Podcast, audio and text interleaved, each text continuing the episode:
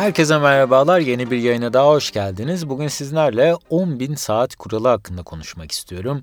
Hani şu herkesin bahsettiği 10.000 saat kuralı var ya çoğu insan özellikle böyle TED Talks'larda falan inanılmaz duyuyoruz bunu. Özellikle motivasyon konuşmalarında olmazsa olmaz e, detaylardan bir tanesi. Bir alanda uzmanlaşabilmek için 10.000 saat harcamanız gerekti. Fakat bugün ben bu kuralın arka planında ne gibi etkenler var? Biraz daha bunların detayına inmek istiyorum. İsterseniz gelin hemen başlayalım. Bu arada ufak bir hatırlatma yaptığım yayınları beğeniyorsanız beni takip ederek, yorum atarak veyahut da beğeni göndererek bana destek olabilirsiniz. Gelin konuya geçelim. İlk olarak bu 10.000 saat kuralı Outliers yani sıra dışılar kitabından alıntılanıyor. Çoğu insan e, bu kitaptan e, bu bilgiyi paylaşıyor. Fakat bu oldukça uzunca bir kitap e, ve burada belli detayları sizlerle paylaşmak istiyorum. Mesela ormandaki en büyük çam ağacının sadece en iyi tohuma sahip olduğundan dolayı değil, en iyi çevreye sahip olduğundan dolayı en büyük hale gelebildiğinden bahsediyor. Veyahut da en iyi güneş miktarını alabilmesi, doğru organizmalara sahip olması, su miktarının mükemmel olması, başka ağaç köklerinin onu engellememesi aslında onu en güçlü ve en büyük hale getiriyormuş. Yani başarılı olmak sadece bize değil, bizim sahip olduğumuz ortama da bağlı. Ve bir alanda 10 bin saat çalışan insanların çok büyük bir kısmının evet o alanda uzmanlaştığından bahsediliyor bu kitapta. Uzunca da bir yapılmış bir araştırma var. İşte müzik üzerinde yapılmış araştırmalar var, sporcular üzerinde yapılmış araştırmalar, bilgisayar dahileri üzerinde yapılmış araştırmalar şunu kanıtlıyor. Bu insanların hepsi yani hepsi olmasa da çok çok büyük bir bölümü o alanda uzmanlaşabilmek için yaklaşık olarak 10 bin saati harcamışlar. Fakat insanların bahsetmediği detaylar var. Bir alanda 10 bin saat çalışan insanların çok büyük bir kısmının maddi durumları aslında oldukça iyi olduğu bence inanılmaz önemli bir detay. Yani hiçbiri hem part-time bir işe gidip hem de bir alanda uzmanlaşabilmek için 10 bin saat harcamamış aslında. Ve bu kitapta en öne çıkan örneklerden bir tanesi Bill Gates'in hikayesi. Ee, Bill Gates çok zengin bir aileye sahip ve ailesi o dönem Bill Gates'in gittiği okula en gelişmiş bilgisayarı alabiliyor. Ama bu ne demek? O dönemde yazılım öğrenmek istediğinizde bilgisayarlar bir bilgisayar sadece bir işlemi, bir kodu e, devreye alabiliyor. İnsanlar isimlerini yazdırıyor ve yazdıkları kodları ancak o şekilde uzun kuyruklar, uzun beklemeler sonucunda bu bilgisayarı okutabiliyorlardı. Fakat Bill doğduğu yıl inanılmaz önemli. Tam Bill Gates'in geldiği gençlik yılları o lise dönemine geldiği dönemde bilgisayarlar aynı anda birden fazla işlemi yapabilir hale geliyor. Yani Bill Gates'ten örnek vereyim. 10 yıl önce doğanlar bu işlemleri öğrenebilmek için zaten evlenmiş, hayat kurmuş ve gidip kendilerini bu alanda geliştirmek için bu zamanı ayıramayacak insanlar Veyahut da tam tersi Bill Gates'e göre yaşı daha genç olanlar daha çocukluk döneminde olduğu için bu bilgisayarlara ulaşabilecek ve bu bilgisayarlarda kendilerini geliştirebilecek düzeyde değiller. Yani Bill Gates'in şu an geldiği noktada doğduğu tarih, ailesinin inanılmaz zengin olması, bu teknolojiyi ailesi sayesinde ulaşabilir olması ve bütün zamanını bu bilgisayarlara ayırabilecek şartlara sahip olduğundan dolayı aslında başarılı olduğu bu kitapta bahsediliyor. Fakat bütün motivasyon konuşmalarında biz şunu duyuyoruz. 10 bin saat çalıştı ve başarılı oldu. Aslında iş ne yazık ki bu kadar basit değil. Ee, ve gelin başka bir bilgisayar dersine geçelim. Steve Jobs. Ee, Steve Jobs da aslında bu 10 bin saati harcayan insanlardan biri.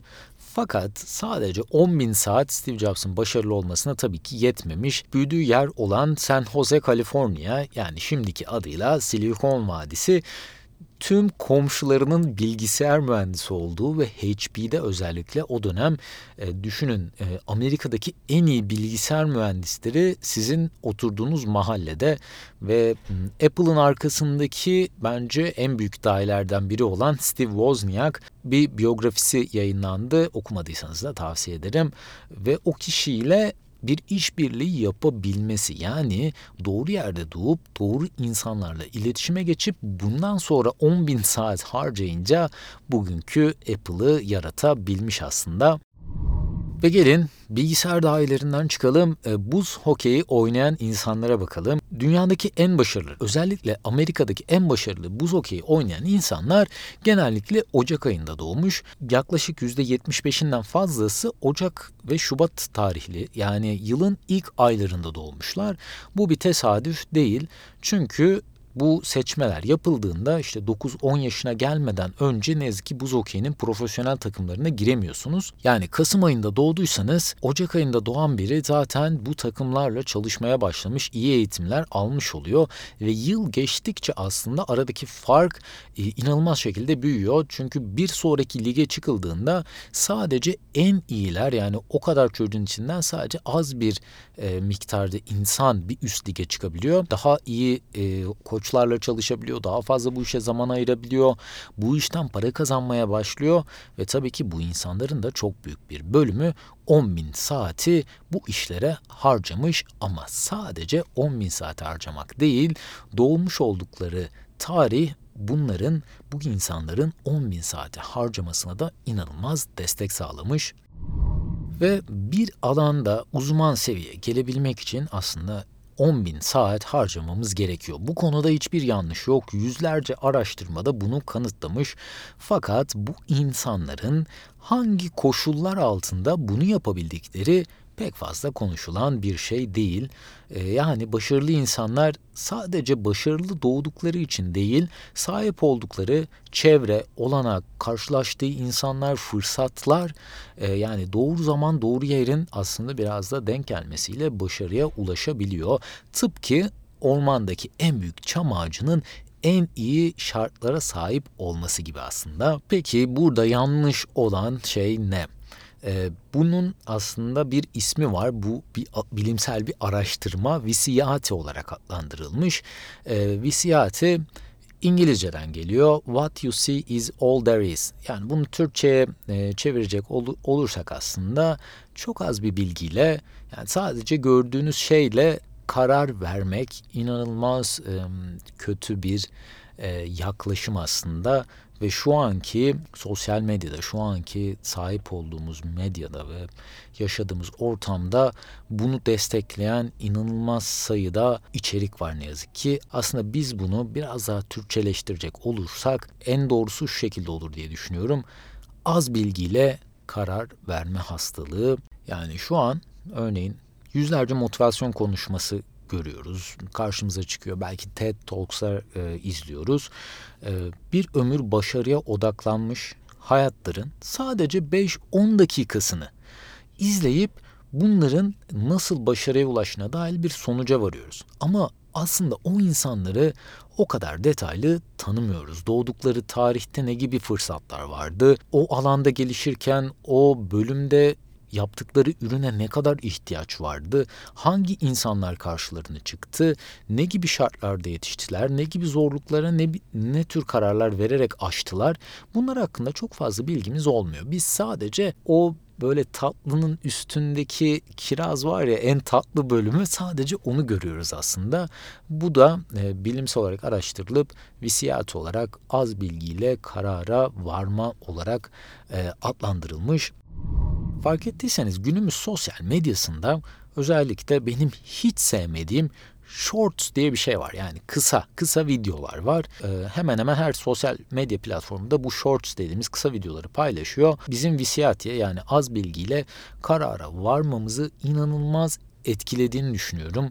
E, çünkü çok az bir bölümü izleyerek o insan hakkında, o ürün hakkında, o başarı hakkında tüm detaylı bilgileri öğrenemeden karara veriyoruz. Ya işte şu insan A, B, C formülünü uygulayıp başarıya ulaşmış ve ben de bu A, B, C formülünü uygulayıp başarıya ulaşabilirim diye değerlendiriyoruz. Halbuki ne kadar yanlış bu insanlar hakkında iyi bilgiler edinmek istiyorsanız mümkün mertebe bu tür sosyal medya platformları gibi e, size çok kısa sürede bir şeyleri e, satmaya çalışan e, sadece sizin vaktinizi alıp hatta vaktinizi çalıp orada sizi e, tutmaya çalışan platformlardan çok kitaplara yönelmenizi tavsiye ederim. Başarılı insanların 10 dakikalık konuşmalarını dinlemek veyahut da izlemek yerine o insanların biyografilerini okumak sizlere çok daha geniş bir perspektif sağlayacaktır. Visiyatiden yani az bilgiyle karara varma hastalığından kurtulmanın tek ama tek bir yolu var. Daha fazla okuyabilmek, daha fazla araştırmak, daha fazla sorgulayabilmek sizin visiyatiye yakalanmaktan e, kurtaracak tek çare. O yüzden daha fazla okuyup daha derinlemesine araştırıp vereceğiniz kararları bu şekilde vermeye çalışın lütfen ve bir yayının daha sonuna gelmiş bulunuyoruz. Beni dinlediğiniz için çok teşekkür ediyorum. Başka yayınlarda görüşmek üzere. Hoşçakalın.